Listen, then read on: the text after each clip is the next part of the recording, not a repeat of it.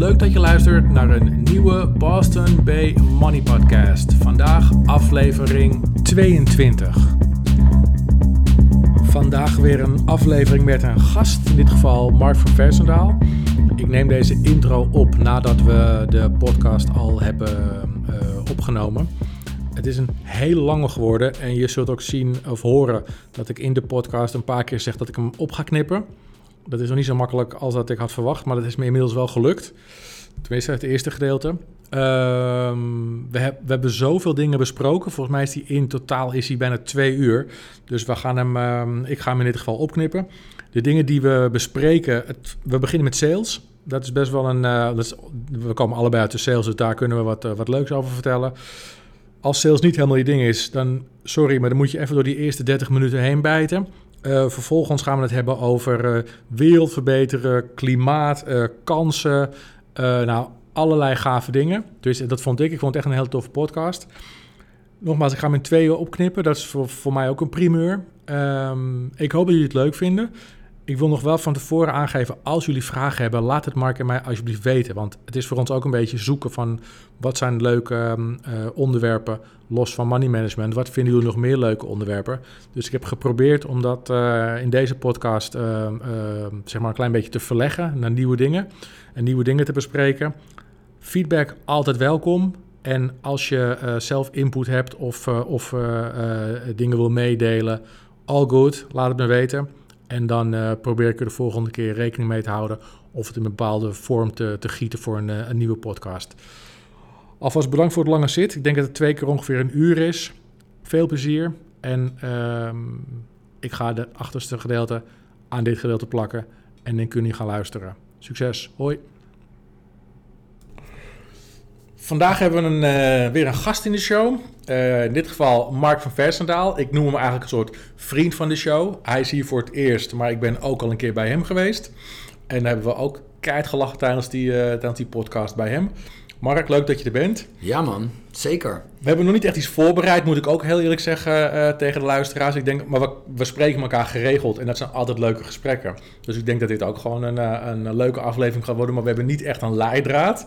Ik heb wel net even snel wat dingetjes opge, opgeschreven. Uh, sales, laten we het over sales hebben. Mm -hmm. Want jij zit ook, jij, dat is onze gemeenschappelijke achtergrond. Uh, kansen.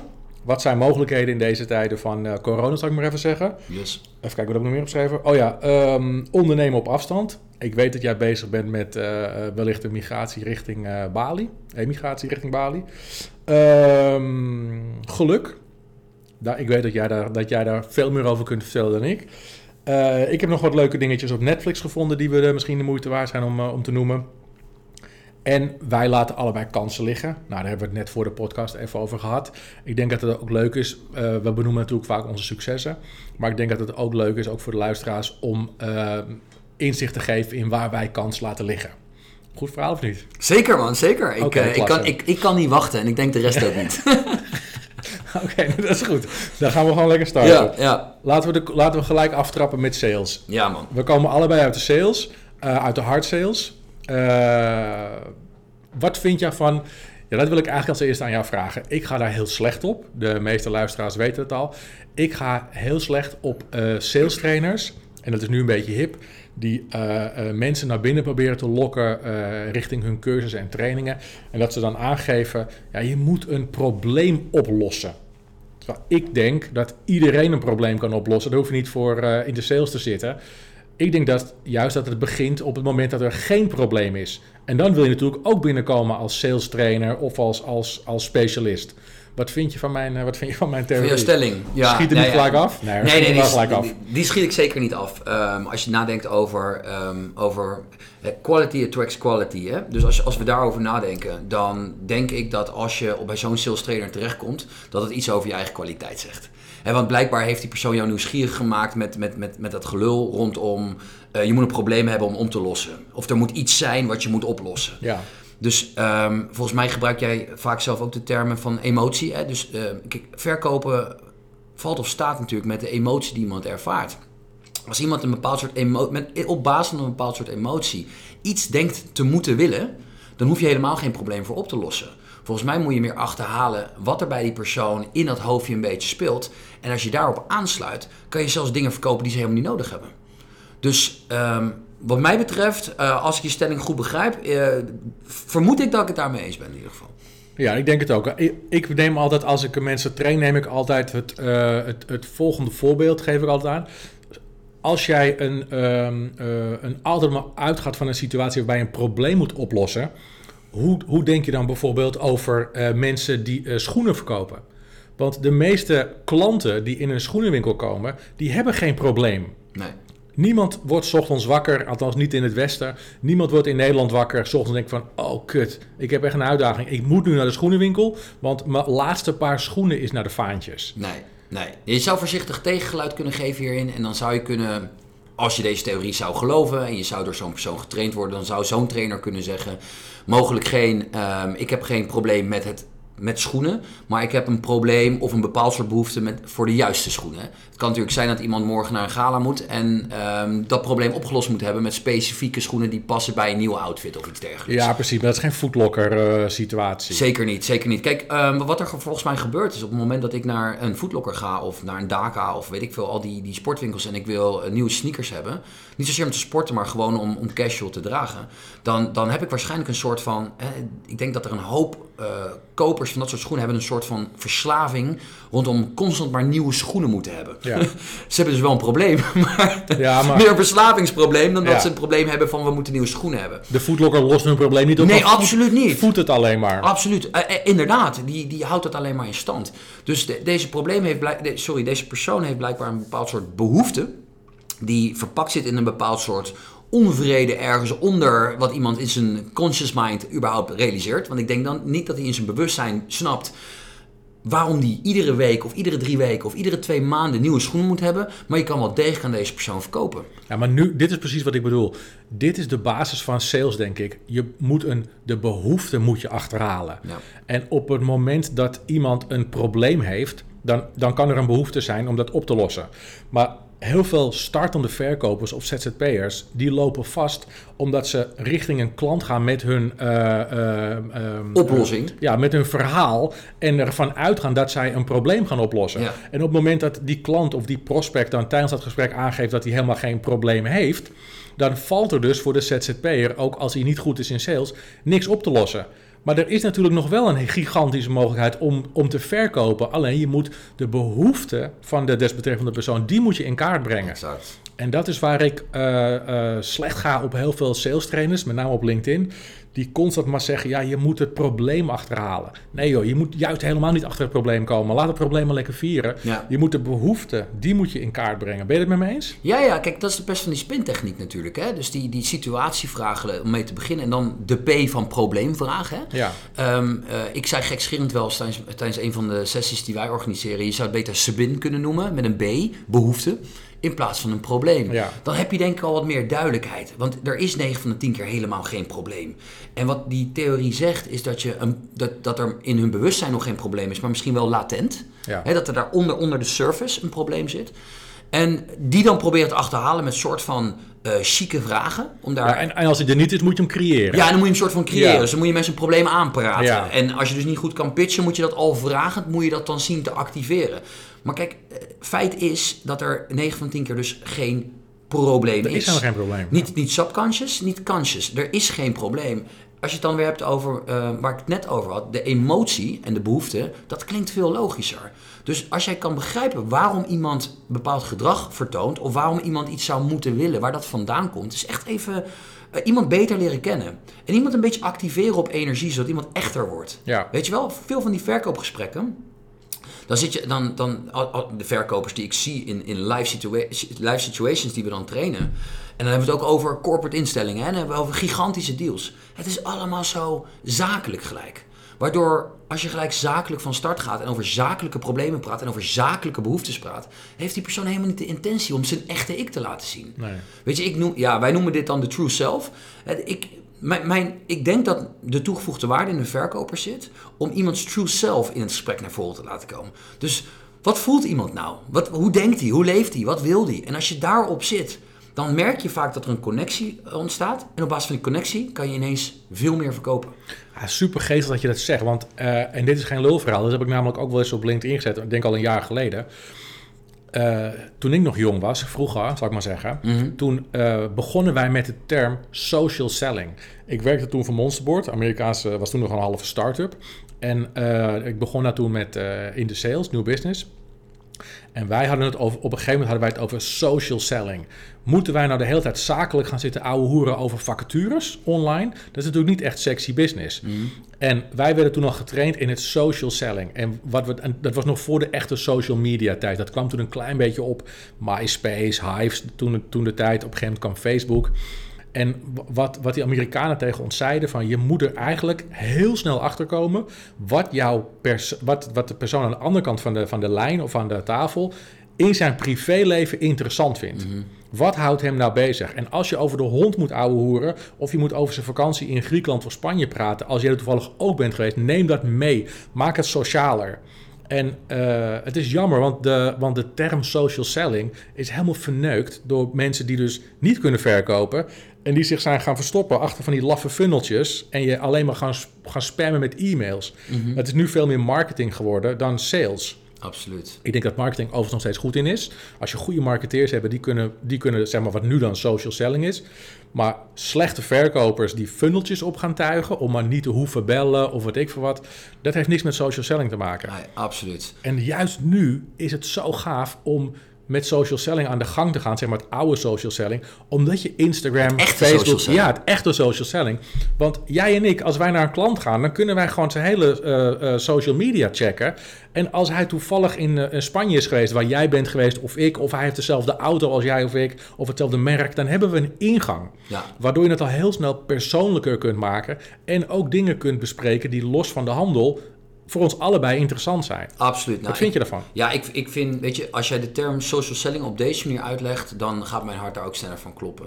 Dus, dus we zouden eigenlijk de definitie opnieuw moeten, de, sorry, de term opnieuw moeten lanceren. En dit is het verhaal erachter, in ieder geval voor een verkoper. Ja. Dus voor een verkoper is social selling betekent dat je op een sociale manier verkoopt. Dat betekent dat je ook sociaal interesse en sociaal nieuwsgierigheid toont. Ja. Right? En wat ik gaaf vind is. ehm, Zelfs als je die informatie op voorhand nergens kan verzamelen. Vanwege gebrek aan tijd of gebrek aan zin of whatever. En je gaat op een sociale, beetje anti-sales-achtige manier. Dus be the anti-salesperson in the beginning of the conversation. Weet je? Begin even niet op een soort van zakelijk verkoopachtige manier. Maar inderdaad op dat sociale stukje wat jij net, wat jij net aanhaalt. Dan kan je prima in staat zijn om een soort van unieke klik te creëren. Door zelf heel, heel veel openheid van zaken te geven. En dat betekent niet dat je iemand hoeft te vermoeien met alles wat jij leuk vindt in je sociale leven. Maar door een soort van, ja, ik wil de term storytelling ook niet misbruiken. Maar door gewoon eh, jezelf te introduceren met een uniek verhaal. waarin je wat kwetsbaarheid toont en wat echtheid toont. Ja. Weet je? Dus ik ben Mark, ik ben de persoon die graag uitkomt voor X. Ja. De reden dat ik hier tegenover je zit, is niet zozeer omdat ik het hier met je over wil hebben. Ik vind het belangrijk dat dit en dit gebeurt in de wereld. Dit drijft mij. Dit wat drijft jou? En die vraag zorgt er ervoor dat iemand wat ehm, opener en eerlijk gaat antwoord geven over wat hem drijft. Los van business. Ja. Leer ik ineens iemand kennen. Kan ik ineens ook veel meer waarde toevoegen in zijn, in zijn totale plaatje. In plaats dat je binnenkomt van, eh, hey, eh, hallo, eh, hoe is het met jou? Wil je verkooptraining hebben of iets? Of, Ja, hoe is het of met jouw hoe is het met je? printpapier? Ja. Precies, precies. Doet jouw printer het Die nog? zogenaamde situatievragen Ja. over een product, om vervolgens een ingang te vinden om over een probleem of behoefte te praten, om vervolgens over de impact van het probleem te hebben en vervolgens met een oplossing te komen. Ja. Wat iedereen mijlenver ziet aankomen. Ja. Nobody gives. Nobody gives, weet je wel. Dus ik, ik denk die, die rauwheid, die echtheid, die authenticiteit als persoon. En dat is ook waarom veel jongere mensen helemaal niet goed zijn in verkopen.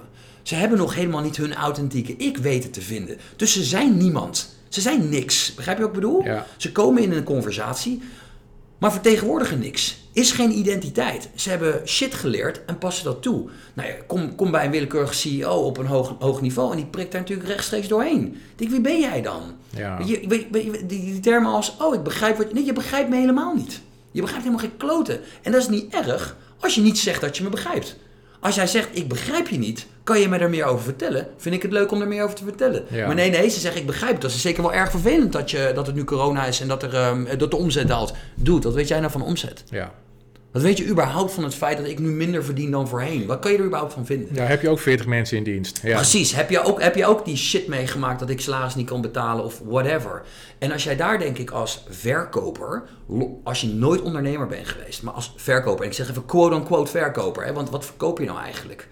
Ik denk als je jezelf goed weet te verkopen als een interessant persoon, dat waarde kan toevoegen op meerdere gebieden, dan, ben ik, dan is in ieder, ineens iedere koper, quote-unquote, geneigd om vaker met jou te zijn. Ja. Omdat je alleen al in aanwezigheid waarde levert. Je bent een leuk iemand. Ze, ze vluchten niet gelijk onder de kachel Precies. op het moment dat jij de Ik ben blij als jij mij belt. Ja. Ik ben gewoon blij als Ja. jij mij belt. En daarom ben ik ook blij om met jouw zaken te doen. En wil ik ook gewoon van jouw shit kopen. En natuurlijk, hoe hoger de boom in, hè, hoe, als je echt richting next level sales gaat, moet je natuurlijk wel heel goed weten wat er in zo'n company speelt.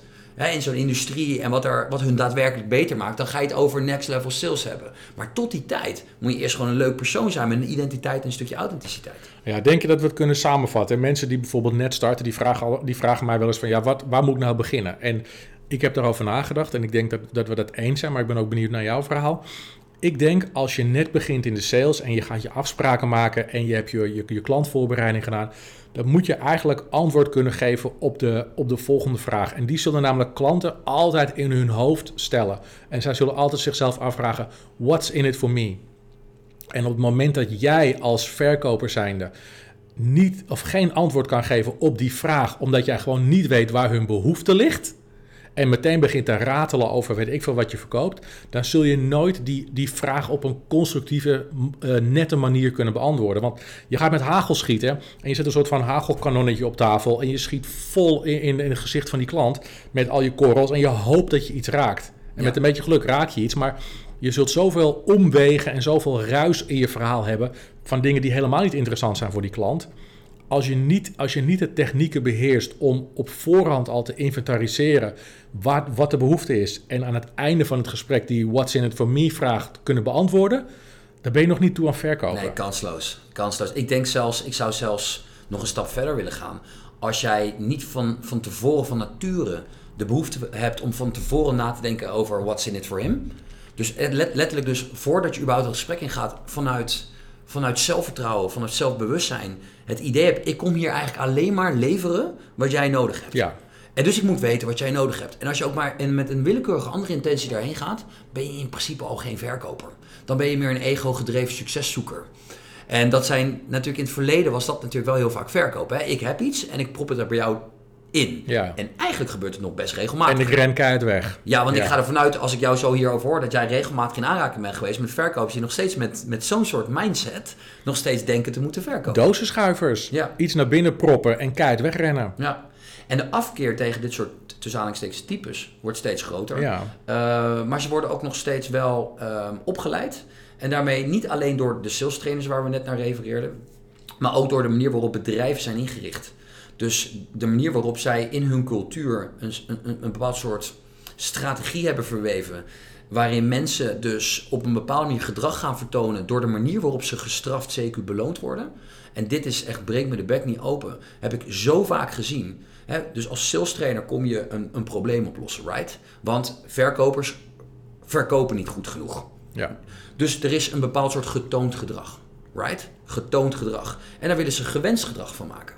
Want ze willen namelijk dat die verkopers beter gaan verkopen. Maar het enige wat ze vragen is, kunnen die cijfers omhoog? Ja. Kunnen die cijfers omhoog? Maar we weten dus niet wat er culture-wise nou precies van hun verwacht wordt aan gewenst gedrag, wat ook daadwerkelijk beloond wordt en dus sustainable is. Ja. Begrijp je? Duurzaam. Duurzame gedragsverandering. Dat vindt nooit plaats, want als we ze namelijk veranderen, zoals jij en ik nu bespreken, wij gaan die gasten samen trainen, dan verwachten wij iets anders van ze. Dat kan op korte termijn betekenen dat ze even wat minder business binnenhalen, omdat ze met een gedragsverandering bezig zijn. Ja. Dus het is nog niet echt authentiek, het is nog allemaal Hè, hoe, hoe noemen ze het? Onbewust, uh, zo, het is bewust onbekwaam. Dan gaan ze naar uh, bewust bekwaam. En uiteindelijk gaan ze naar onbewust bekwaam. Totdat ze daar zijn, kost tijd. Dus in die tussentijd gaan de cijfers omlaag. Krijgen ze vervolgens een shitload aan kritiek in Ja. de organisatie. En gaan dus weer terug naar wat ze altijd gedaan hebben. Ze gaan weer doosschrijven, pushen, duwen. Omdat ze dan in ieder geval hun, hun standaard target weten te halen. En ik denk dat daar ook wel een issue zit met... Van, hey, hoe krijgen die gasten het nou voor elkaar om echt naar het volgende niveau te gaan? Wat Ja. denk jij? Ja, ik ben het met je eens. Ik ben het met je eens. Ik, eh, het verbaast mij dat, uh, dat als, we, uh, als ik bijvoorbeeld een offerte neerleg voor een sales training, Eh, en ik heb ook altijd nog een hele lange staart eraan zitten. Omdat ik denk dat op. Ik heb zelf ook training gehad. En ehm, je moet je voorstellen, er komt de sales trainer binnen. Die gaat je dan een paar, een paar uurtjes, of misschien doet dit een paar keer in de maand, word je getraind. En gaandeweg ga je toch weer terug, dat geldt ook voor mij, gaandeweg ga je toch weer terug naar het oude gedrag. Met name als het nieuwe aangeleerde gedrag niet vanuit de, de organisatie wordt gestimuleerd. Juist. En daarom geef ik ook altijd aan dat het initiële veranderen van het gedrag, dat lukt me binnen, bij wijze van spreken, binnen een half uur. Omdat ik het kan, ik kan het eventueel voordoen, ik kan uh, praktijk, en dat geldt ook voor jou, we kunnen praktijkvoorbeelden noemen, waardoor iedereen wel snapt dat het handig is om het te doen zoals wij het leren. Mhm. Maar net als dat jij ook training hebt gehad, weten wij ook hoe snel dat weer weg hebt. Mhm. Dus ik, ik geef altijd in mijn offertes ook nog uh, herhaalmodules aan. Een soort opfrismodules. En ik zie heel vaak klanten naar die opfrismodules kijken en denken van ja, dat is toch niet nodig? Maar ik denk dat juist daar de kracht in zit. Als je op de lange, elke aap kan iemand leren verkopen. Voor de, op de korte termijn. Mm, mm. En dat, dat varieert van dozen schuiven tot echt high-end sales training. Maar het komt neer op bellen, je, je pitch oefenen of, of afspraken maken. En dat is, bijna iedereen kan dat wel leren. Maar om het echt op een hoger, langdurig niveau je helemaal eigen te maken, ja, die sales trainingen zitten anders in elkaar. Dat, is, dat is meer high-end. En dat kun je niet leren aan starters. En helemaal niet op de korte termijn. Nee, absoluut. En ik merk toch vaak dat klanten naar, mij, naar mijn offerte zitten kijken en denken ze, ja, dat, die eerste twee modules die snappen we wel, Jan, maar die derde, vierde en die vijfde, is dat echt nodig? Ja. En daarom denk ik wel eens van, misschien moet je als sales trainer nou, ik weet dat jij het goed voor elkaar hebt. Ik heb het ook redelijk voor elkaar. Misschien moet je als sales trainer eigenlijk zeggen van... leuk dat jij je personeel wilt trainen. Ben ik helemaal voor. En ik ga graag met je aan de gang. Maar als je niet erg vindt, wil ik jou eerst trainen. Juist. Meneer de directeur. Ja, ja, of de CEO, weet ik voor jezelf Of de CCO, of de sales manager. Eerst wil ik jullie gaan trainen. En daarna gaan we kijken of het handig is om wat zeg je dat? top-down het spul in te gaan richten. Ja, en kijk, en als, als, als er wat weerstand of wat aversie is richting van ja, oké, wat ga jij mee dan trainen? Want ik ga zelf geen sales doen. Dan, dan, kan, dan kan je het super, super relaxed aanpakken van nou laten we er dan samen sessies aan wijden. Om samen strategisch een plan te maken hoe we ervoor zorgen dat die gedragsverandering bewaakt blijft. Waar ik dus een rol in speel, in dit geval jij, met uh, herhalingssessies, speelt de organisatie een rol om dat continu te bewaken. Dat betekent dat het hele beloningssysteem opnieuw bekeken moet worden. Ik heb een keer geleerd van iemand, uh, Wout van den Berg van, uh, van Brain Compass. zij doen superveel onderzoek, DNA-onderzoek, vragenlijsten naar gedrag. Ze noemen het volgens mij welkom bij jezelf. Maar dat, gaat, dat hebben ze ook speciaal een, een, kanaal gericht op verkopers. Mega interessant, want daar komt dus uit waarom eh, verkopers bepaald gedrag vertonen. Zij zijn tot de conclusie gekomen dat ze drie vragen nog moeten stellen. Of dat verkopers zelf zichzelf drie vragen stellen op het moment dat je een verandering in gang, eh, in gang zetten. Wil ik het? Kan ik het? En mag ik het? Nou, kan ik het kunnen we oplossen door ze te trainen, right? Ja. Wil ik het? Is mindset.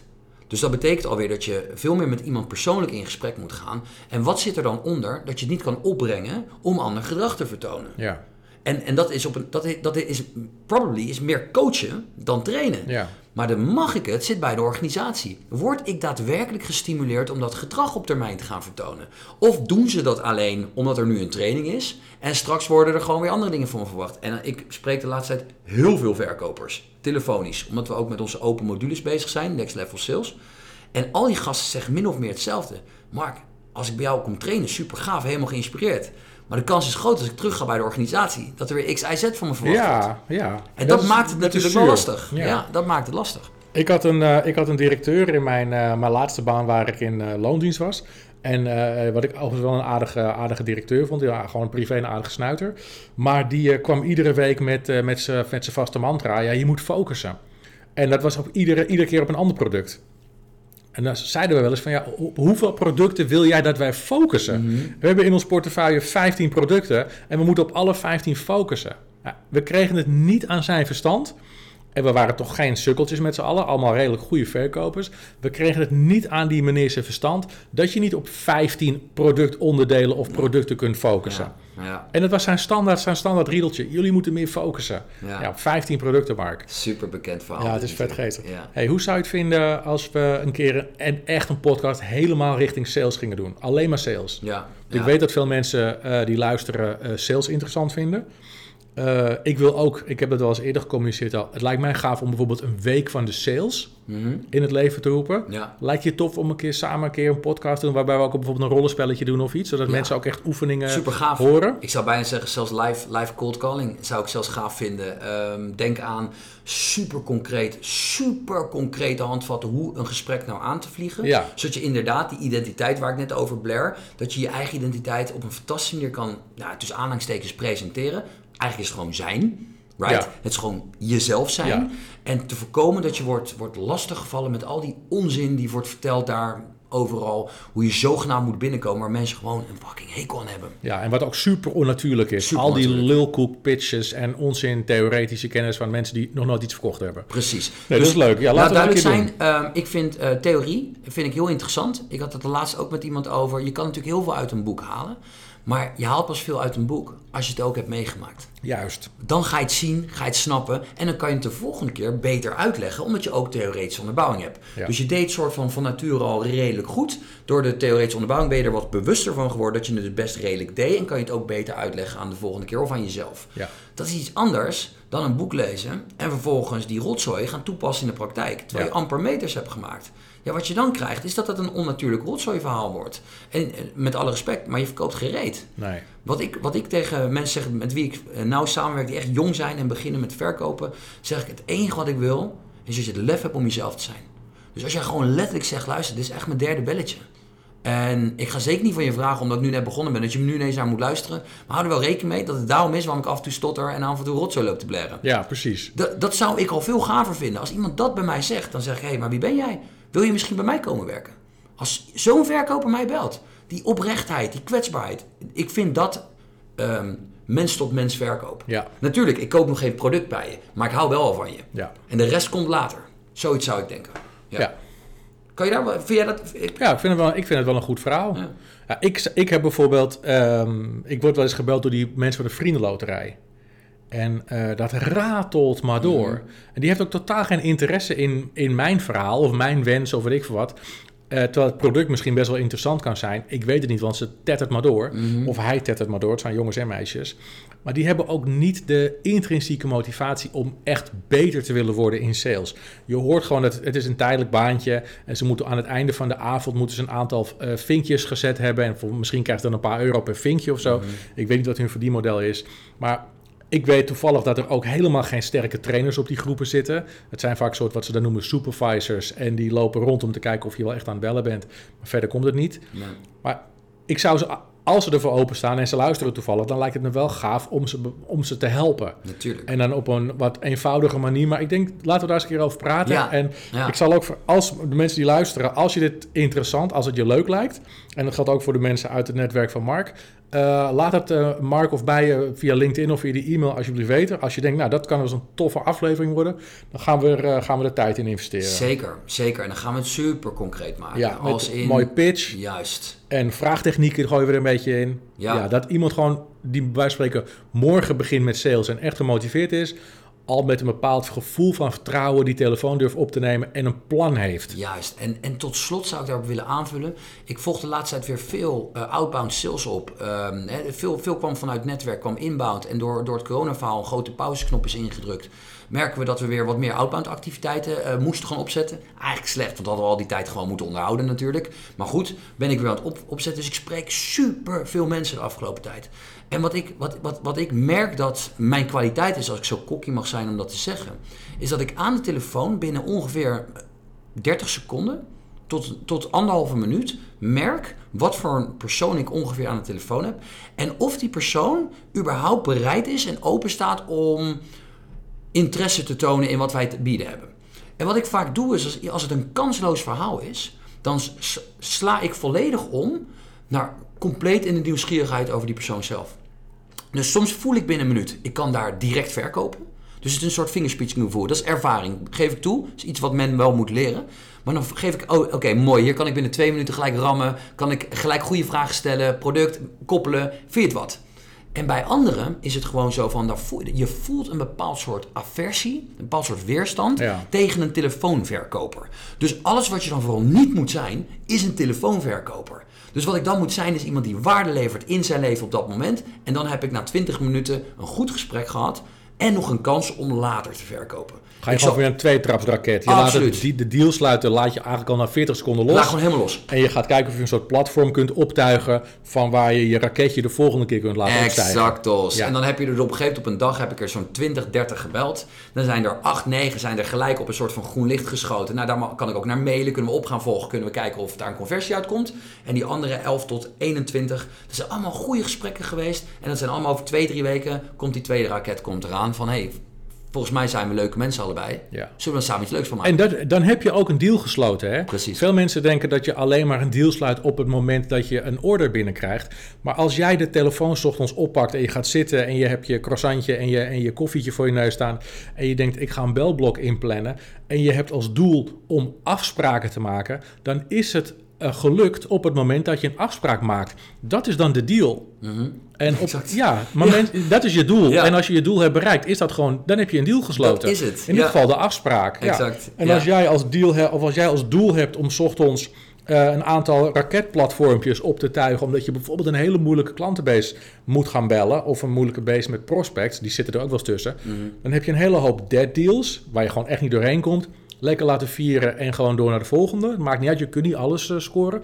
Maar als jij toch een aantal van die, van die raketplatformpjes hebt kunnen optuigen... vanaf waar je de volgende keer je raketje kunt laten opstijgen... dan heb je gewoon een hele goede dag gehad. Exact, exact. En, en ik zou echt iedereen willen adviseren om die druk wat dat betreft op een andere manier te, te- in, je mind, in je mindset te sturen. Waardoor je het volhoudt en het ook gewoon leuker maakt voor jezelf. Ja. Ik heb fantastische gesprekken en dan heb ik soms na 20 minuten niets, nul, over mezelf, over mijn bedrijf of over mijn dienstverlening verteld. Waardoor die andere zich bijna awkward gaat voelen. Hé hey maar, eh, ik, eh, eh, vertel eens wat meer over jezelf. Ik zeg, ik dacht dat je het nooit zou vragen. Maar eerlijk gezegd is de tijd een beetje op. Zullen we dat gewoon een ander keertje doen? Juist. En wat, wat, je- wat, ja, ja, natuurlijk man. Ik vond het super gaaf. En ik meen het ook oprecht. Ik heb oprecht ook geen haast op dat moment. Maar ik heb vijf minuten later een nieuwe call ingepland. Dus ik moet ook echt ophangen. Ja. Ik wil ook echt ophangen zonder iets over mezelf te zeggen. En ik denk dat dat, dat oprechte, die authentiek, dat mensen zoiets denken van... hé, hey, ik, ben, ik ben hier wel best wel veilig. Want als ik tegen jou gewoon zeg nee, dan is het ook gewoon ook prima. Klopt, dat is bij mij ook prima. Precies. Dus ik word geen irritante verkoper. Nee. Maar ik zorg ervoor dat je gewoon niet de behoefte voelt om nee tegen me te zeggen. Je voelt de behoefte om give me more. En ik denk dat, dat als je dat moment kan vinden als verkoper, daar, daar, dat is zeker te trainen. Maar dat begint ook bij een stukje, wat ik zei, zelfreflectie, self-awareness, een stukje, ehm, eh, hoe zeg je dat? Kwetsbaarheid. Dat je ook gewoon weet van, ik weet gewoon heel veel nog niet. Ja. Ik weet gewoon heel veel nog niet en ik wil dat jou ook laten merken. Dat ik niet iemand ben die denkt dat hij weet wat jij precies wil. Maar ik denk wel dat het leuk is om met elkaar erover in gesprek te gaan. Ja. Dat is vaak al voldoende. Het, het lijkt zo soft dit, hè? En denk wel, ja, Mark, eh, ga lekker iemand anders. Nee, dit is het. En dit werkt ook gewoon in corporate sales. Weet je? Ja. Als ik gewoon grote corporates... Nou, ik heb allemaal grote corporates als klanten. Het zijn allemaal grote bedrijven. Ik hoef ze maar op deze manier te bellen en ze staan, ze staan me weer te woord. Maar, maar kom alsjeblieft een keertje langs. Het is allemaal goed. ja. Dus Dat vind ik een goed verhaal. Weet Ja. je wat ik nog wel mee wil geven maar aan, eh, als tip? Aan, eh, want we zitten nu qua sales best wel in een heftige tijd. ja, En eh, er gaan heel veel deals gaan niet door. En je komt als verkoper ook wel een keer een, een, tegen een muur aan. Of loop je tegen een muur aan.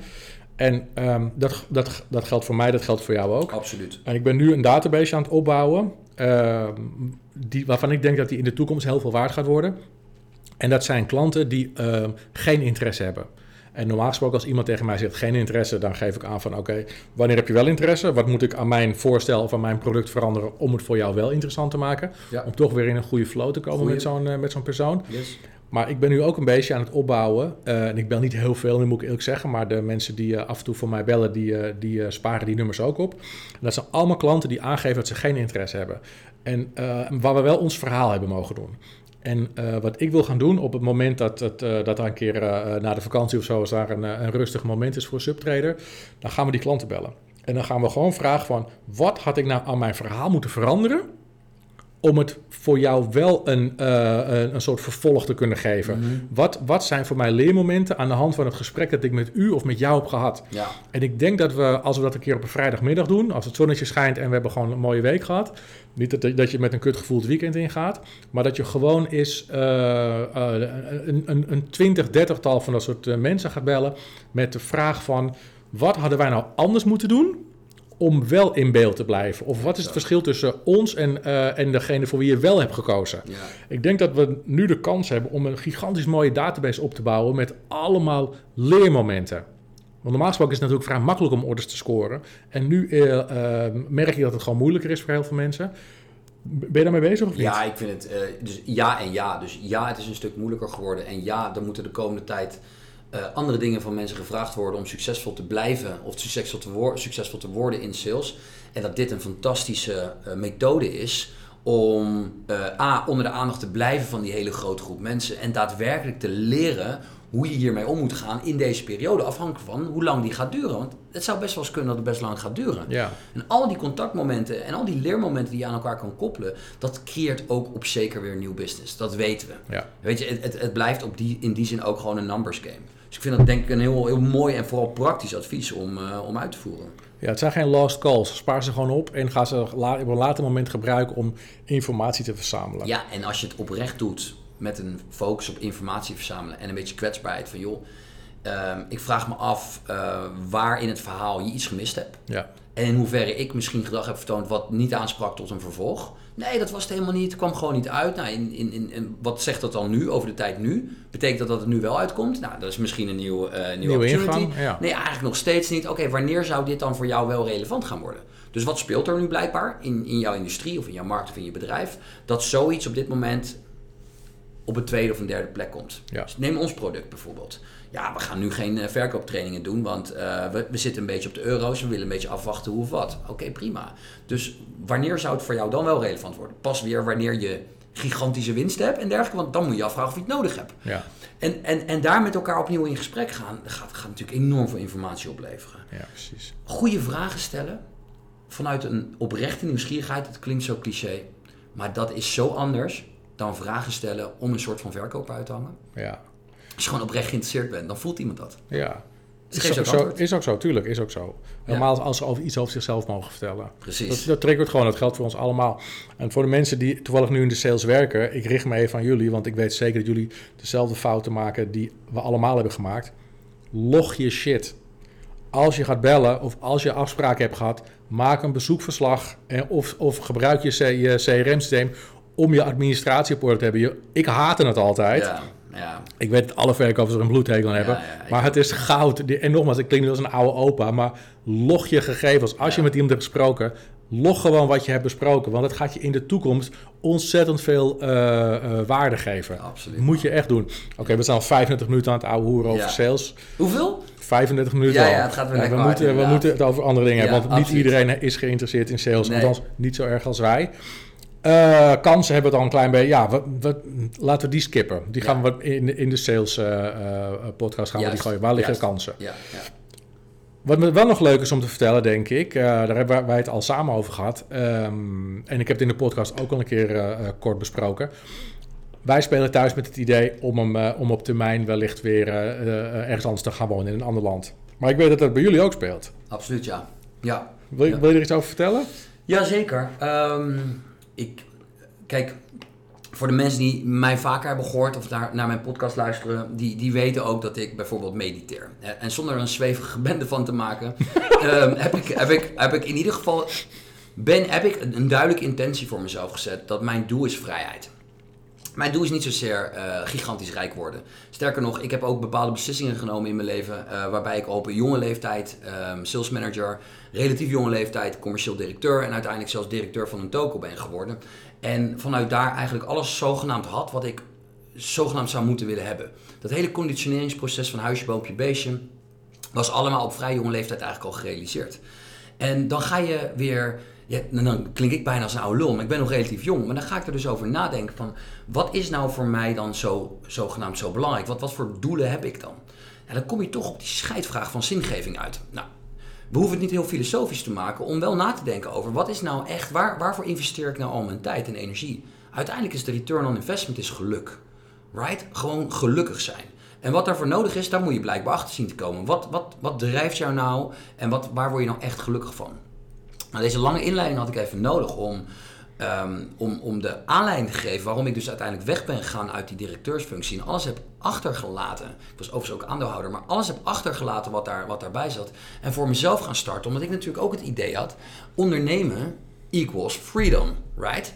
Dat is wat ik dacht. Vervolgens ga je ondernemen, kom je tot de conclusie dat je ergens best goed in bent en dan word je gewoon weer geleefd. Dus je hebt een soort van wel baas over je eigen agenda. Ik kan natuurlijk dagen vrij plannen zo vaak ik wil. Maar je weet hoe het gaat. Als jij op een dag 2.000, 3.000 euro kan verdienen, dan doe je dat. Ja. En vervolgens uh, gaat het agendaatje vult weer. Nou, vervolgens denk je aan groeien. we moeten altijd maar weer meer en groeien. Dus ik neem iemand aan, ik neem nog iemand aan. Um, het, het, het, concept begint een beetje te landen. En ik begin ook nog nieuwsgieriger te worden naar andere dingen, waardoor je agenda voller en voller wordt.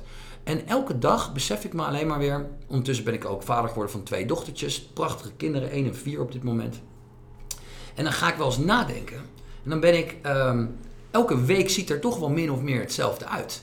Ik doe wel verschillende dingen, maar het komt min of meer op hetzelfde neer. Het komt uiteindelijk neer op iets doen, omzetten, geld verdienen, vrijdagavond naar huis, lekkere goede fles uh, Chardonnay openen. Vervolgens lekker eten. Uh, aangezien wij door de week een beetje vegetarisch zijn om, om de duurzaamheid van de wereld te ondersteunen, gaan we op vrijdag halen we dan vaak een, een lekker stukje vlees.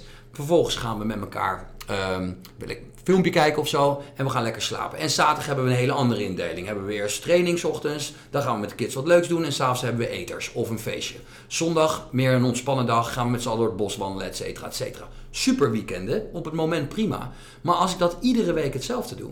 Dan denk ik op een gegeven moment bij mezelf. Dit is dus niet de bedoeling. In ieder geval niet mijn bedoeling van leven. Nou, lang verhaal kort.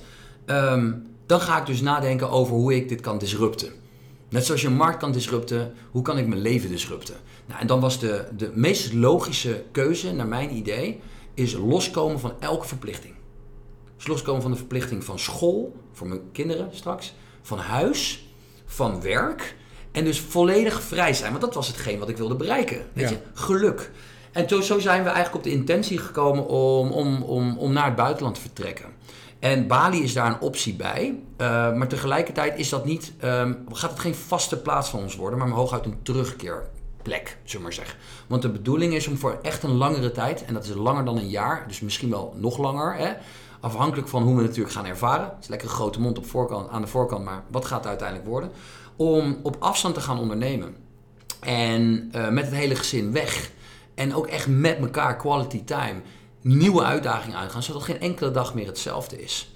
Ja, ik wil dat in ieder geval een keer ervaren hebben. En ik geloof, zeker gezien, uh, ja, gezien, de, gezien de middelen die we tot ons beschikking hebben, dat het ook gewoon een haalbare, haalbare kaart is. Dus ergens heb je zoiets van, waarom niet? Ja, is toch goed? Ja. Ja, ik vind het een mooi verhaal. Toen je dat allemaal vertelde, dacht ik, nou, dat moet je ook gewoon doen, man. Dat is ook super gaaf. Voor mij is het makkelijker, omdat ik uh, geen kinderen heb. Dus wij zijn veel flexibeler. Wij kunnen in principe alle kanten op. Ik heb alleen twee katten die me nog even hier houden. Omdat ik het niet wil aandoen om in zo'n uh, klein katten, kattenkistje, kattenbakje... in een, uh, hoe heet zo'n ding? Zo'n wijze voor de dierenarts. Oh, dat weet ik niet, joh. Nou, zo zeg, zeg maar zo'n katten, kattenkoffertje. Mm. Ik ga ze niet in zo'n koffertje nee, dan nee, laadruim ergens doen. En, uh, en die worden helemaal gek in het vliegtuig. Ja. En je gaat ook niet naar België. Je, je moet misschien wel tien uur vliegen. Dan Precies. worden die katten helemaal gek. Dus dat, dat ga ik Precies. niet aandoen. Maar we wachten dus eventjes tot uh, de, de, ze lopen, ik wil niet zeggen op hun laatste benen, maar ze, zijn, uh, ze gaan ook geen tien jaar meer mee. Dus we zijn er langzaam een beetje aan het plannen van wat... Uh, en Bali staat toevallig bij ons ook op ja, de, ja, op de lijst. Ja, het is ook super gaaf. Weet je, ehm, ik, ik mediteer niet. En ik weet dat jij ook op een wat ander niveau zit als het aankomt op, nou, ik wil niet zeggen, nou, het is niet zweverigheid, het is meer... Spiritualiteit. ja, spiritualiteit. Jij denkt daar meer over na dan ik. Ehm, maar ik merk dat ik wel, misschien omdat ik ook iets ouder word, ik merk dat het wel steeds meer um, een onderdeel van mijn leven begint te worden. Ja. Um, ik, bijvoorbeeld vlees eet ik al eigenlijk al. Ik ben al een paar keer vegetarisch gegaan. Alleen mijn vrouw uh, doet niet echt mee. Dus dat maakt het voor. Aangezien zij wel over het, het gaat waar wat we. Zij gaat eigenlijk over de keuken. Mm -hmm. Dus ik. Um, uh, dat doe ik niet op een vrouwonvriendelijke nee, nee, nee. manier. Maar zij is gewoon eerder thuis dan ik. Dus Juist. zij uh, start het proces vaak alvast op. ook beter. het sowieso. Ja. Ehm, en plus is gewoon eerder thuis dan ik, dus is het handiger dat ze niet op mij hoeft te wachten. Begint ze vast. Ehm, maar bijvoorbeeld vlees, ja, daar ben ik al, daar ben ik al eh, eigenlijk al mee gekapt. Zij doet het nog af en toe, maar en ik hang er helemaal geen waardeoordeel aan. Maar ik merk nu ook, en ik moest daar een paar jaar geleden nog heel hard om lachen, maar dat hele duurzaamheidsgelul, dat begint ook steeds meer indruk op mij te maken. Mhm. Ja, ik weet Ja. hoe ja, Ja. het klinkt een beetje wazig, maar ik, ehm, toevallig ben ik op Bali geweest en eh, nou, daar lagen de petflessen, Ja. de plastic flessen, echt gewoon tot vier meter hoog opgestapeld in een of andere jungle-omgeving. Dat ik echt dacht, wat is, hier, wat is dit voor chaos? Dat had niks te maken met het idyllische Bali. Het was echt gewoon, eh, voor de mensen die nog niet zijn geweest, hou hier rekening mee. Bali heeft ook gewoon stukken die, die gewoon op een grote vuilnisbelt lijken. Mhm. En eh, het is niet allemaal eh, eh, super groen en jungle en weet ik Nee. wat. Het ziet er, sommige stukken van het, van het eiland zien er echt niet uit. Nee. En het- ja, Zuid-Italië, chaos eerste klas. En zo zijn er steeds meer eh, ehm, eh, landen die we bezoeken, nu dan even niet, maar die we bezocht hebben, waar het gewoon, als je iets dieper het land ingaat en niet alleen op je resort blijft hangen, dat je gewoon ziet wat een teringbende het is. Ja, man. En eh, dat, ik voel dat. Ja, man. Ik, kijk, er moet echt wat gebeuren. En zonder hier de moraalridder of levensverbeteraar uit te hangen. We doen allemaal, denk ik, dingen die niet bijdragen aan een, aan een duurzame planeet. Maar ehm, het, als, je nu je ogen nog niet open hebt, dan is het tijd om wat onderzoek te gaan doen. Want eh, de wereld staat wel gewoon op, op springen wat dat betreft. En die kapitalistische gedachten die ons heel veel gebracht hebben. eh, qua, qua groei en, en, en een hogere levensstandaard, is denk ik iets wat we nog steeds mogen en moeten omarmen. Het is zeker niet slecht, maar er moeten aanpassingen worden gedaan. En door je ogen te openen, hè, dat is soms lastig, want de bronnen die je tot je neemt op sociale media en op nu.nl en nos.nl, whatever, die zijn natuurlijk niet echt te vertrouwen, laten we heel eerlijk zijn. Ja, Als de media die wil eh, dat jij denkt wat, wat, wat zij Die willen verkopen. Juist, wat jij, denkt, wat jij zou moeten denken. Dus als je zelf naar die landen gaat en je gaat dat zelf vanuit eerste hand ga je dat ervaren, dan zou je er ook een bepaald soort betrokkenheid meer gaan voelen. En Je, je zegt het net zelf al, je voelt het. Het doet gewoon pijn om al die mooie gebieden, al die mooie landen steeds verder naar beneden te zien gaan. Ja. Dus, dus een, van mijn, een van mijn doelen is eh, om inderdaad meer impact te maken op schaal in de wereld. Omdat ik merk dat ik daar een soort van kick van krijg. Een soort van dopamine kick. Je zou kunnen zeggen, hey, is dat de, de ego van Mark die graag eh, wil laten zien hoe goed hij is? Prima, noem het zo. ik, sorry, ik zie het zelf meer als iemand die graag zelf gelukkig wil zijn. En ik voel meer geluk als ik ook impact kan maken op, op de wereld. Klinkt misschien een beetje vaag, maar dat, wat dat betekent is dat je mensen aan het denken zet om wat meer te gaan betekenen voor een ander. Dat is mens tot mens. Maar je kan ook meer gaan betekenen voor natuur en voor de wereld. Nou, om daar wat meer bij te gaan voelen is denk ik reizen een hele mooie optie, omdat je dan in de natuur zit. Ja. Ik ben in Zuid-Afrika geweest.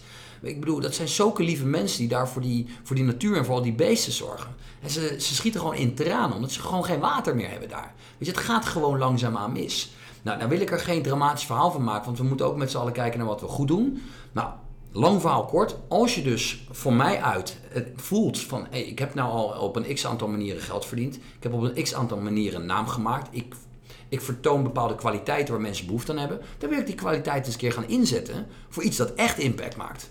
Nou, waaronder ook een podcast. Dus we kunnen het een half uur hebben over sales, wat heel interessant is. Zodat mensen kunnen denken, hé, hey, ik kan daar mijn business mee, mee omhoog krijgen. Maar we kunnen het ook hierover hebben. Ja, misschien zodat het goed enkeling, verhaal. zodat die enkeling ook, en dat hoeft niet iedereen te zijn, maakt me ook niet uit. Maar een enkeling ook denkt, hé, hey, fuck, ik heb ook bepaalde kwaliteiten. I reached out to Mark, hey, hoe gaan we dit samen nou eens verbeteren? Want ik denk dat er genoeg mensen zijn, als je die intelligenties koppelt, dat er oplossingen mogelijk zijn. Alleen dat zullen, er zal, het zal een tijd duren voordat oude systemen die ervoor zorgen dat het een en ander in stand wordt gehouden, wat, wat op dit moment eigenlijk de wereld verneukt, tussen aanhalingstekens, dat we die langzaamaan een beetje, ehm, ja, die moeten langzaamaan gaan verdwijnen. En het gaat niet over nacht. Maar dat betekent wel dat als ik iets wil doen, en dan komt eigenlijk zeg maar de vraag van, hé, waarom ga je nou reizen? Dus de quality time with my family vind ik super interessant. Alleen maar met elkaar op elkaars lip. Nou, dat wordt een uitdaging, kan ik je vertellen. Ja. Dus dat is echt niet alleen maar. Maar de connectie die daarmee opbouwt is natuurlijk ziek. Dat is, weet je, de tijd die ik dan krijg om met mijn dochters iets op te bouwen is geniaal. En als ik ondertussen bij al die gebieden nog eens zie wat ik daar misschien kan toevoegen met de kwaliteit vanuit de westerse wereld. Met het idee om alles te verbeteren. Of misschien mee kan terugnemen naar de westerse wereld om daar wat te verbeteren. Dan heb ik het idee, oké, nou ben ik een beetje op een pad waarbij het meer is dan alleen geld verdienen.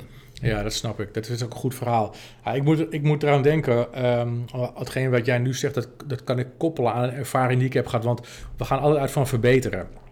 En met verbeteren, uh, als we kijken naar, de, naar het milieu. Maar god, dat wordt een beetje een gay podcast. Maar we hebben het nu even over ik vind het wel een belangrijk dingetje. Mensen die, die zitten te luisteren, die denken, wat is dit voor een ja, podcast? Ja, sorry man. Ik ja, ja maakt niet uit, want we gaan het er wel even over hebben.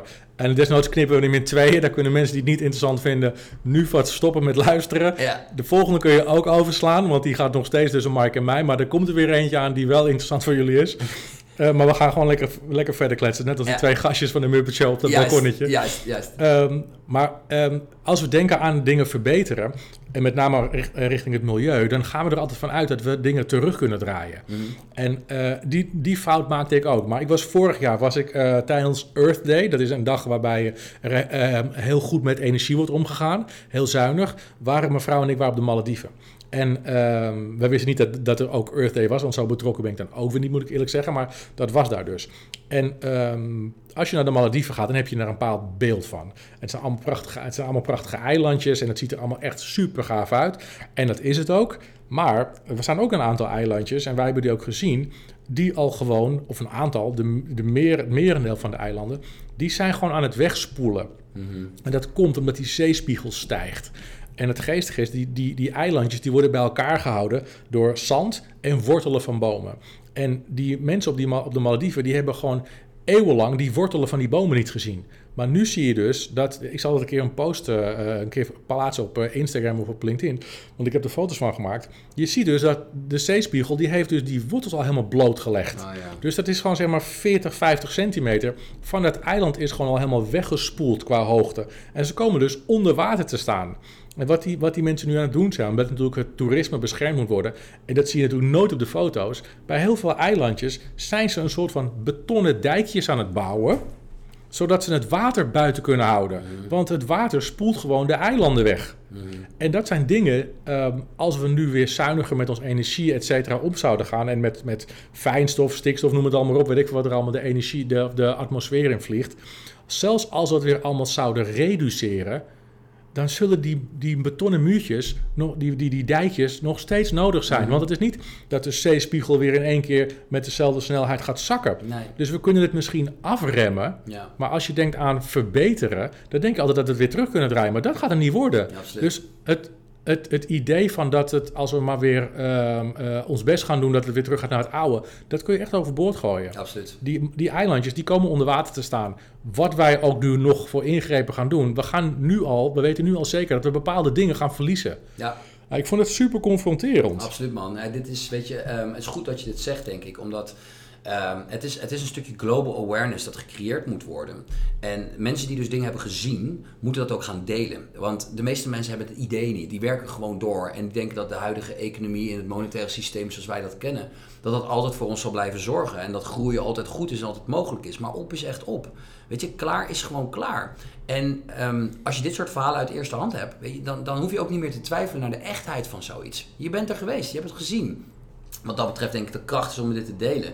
En tegelijkertijd voor mensen, uh, natuurlijk vaak als je naar zo'n podcast luistert, dat heb ik zelf ook als ik daar luister. Dan denk ik, ah shit, ik ga even het een en ander veranderen. Maar je weet, we hebben het net over, over trainen gehad. Een gedragsverandering, dat kost tijd, want je hebt gewoontes. En gewoontes afleren is gewoon fucking moeilijk. Dus uh, allerlei gewoontes die jij hebt die niet gezond zijn voor je, is moeilijk om af te leren. Laat staan gewoontes afleren die voor de wereld slecht zijn. Ja jongens, dan moeten we met z'n allen zoveel afleren. Ja, dat is bijna niet te doen. Dus, dus ik zeg wel eens van als je een gewoonte niet goed kan afleren, hè, leer dan een nieuwe gewoonte aan. In plaats van, dus die je normaal gesproken uitvoert als je een slechte. Leer een goed nieuwe gewoonte, maar dat is namelijk makkelijker dan een oude gewoonte afleren. Ja, vervang die oude. Vervang die, vervang die oude met in die tijd dat je normaal, zeg maar, wij spreken, als je bijvoorbeeld een heel stuk vlees, uh, de neiging hebt om elke avond een heel stuk vlees te eten. Wat helemaal prima is, by the way. Je moet het zelf weten, want het is hartstikke lekker. Ik hou superveel van vlees, dus uh, ik ben zeker geen moraalridder in deze. Maar Um, ik kan wel een nieuwe gewoonte aanleren door op dat moment iets anders te eten. Zodat ik gewoon op een gegeven moment vol zit en geen vlees meer hoef te eten. Heel simpel voorbeeld, hè, als je het hebt over een gay example. Misschien dit. Alleen, dat is wel iets om over na te denken. Um, om, ja, om aan te sluiten bij je verhaal, man. Want um, het zou zonde zijn als, als wij het niet voor elkaar krijgen om dit soort dingen wat steviger af te remmen.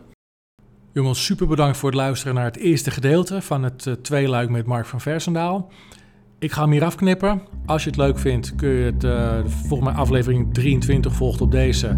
Dan gaan we verder met, ons, met onze podcast. Mocht je vragen hebben of uh, commentaar, feedback, hoe je het ook wil noemen. Laat het ons alsjeblieft weten. Dankjewel. Tot zo weer.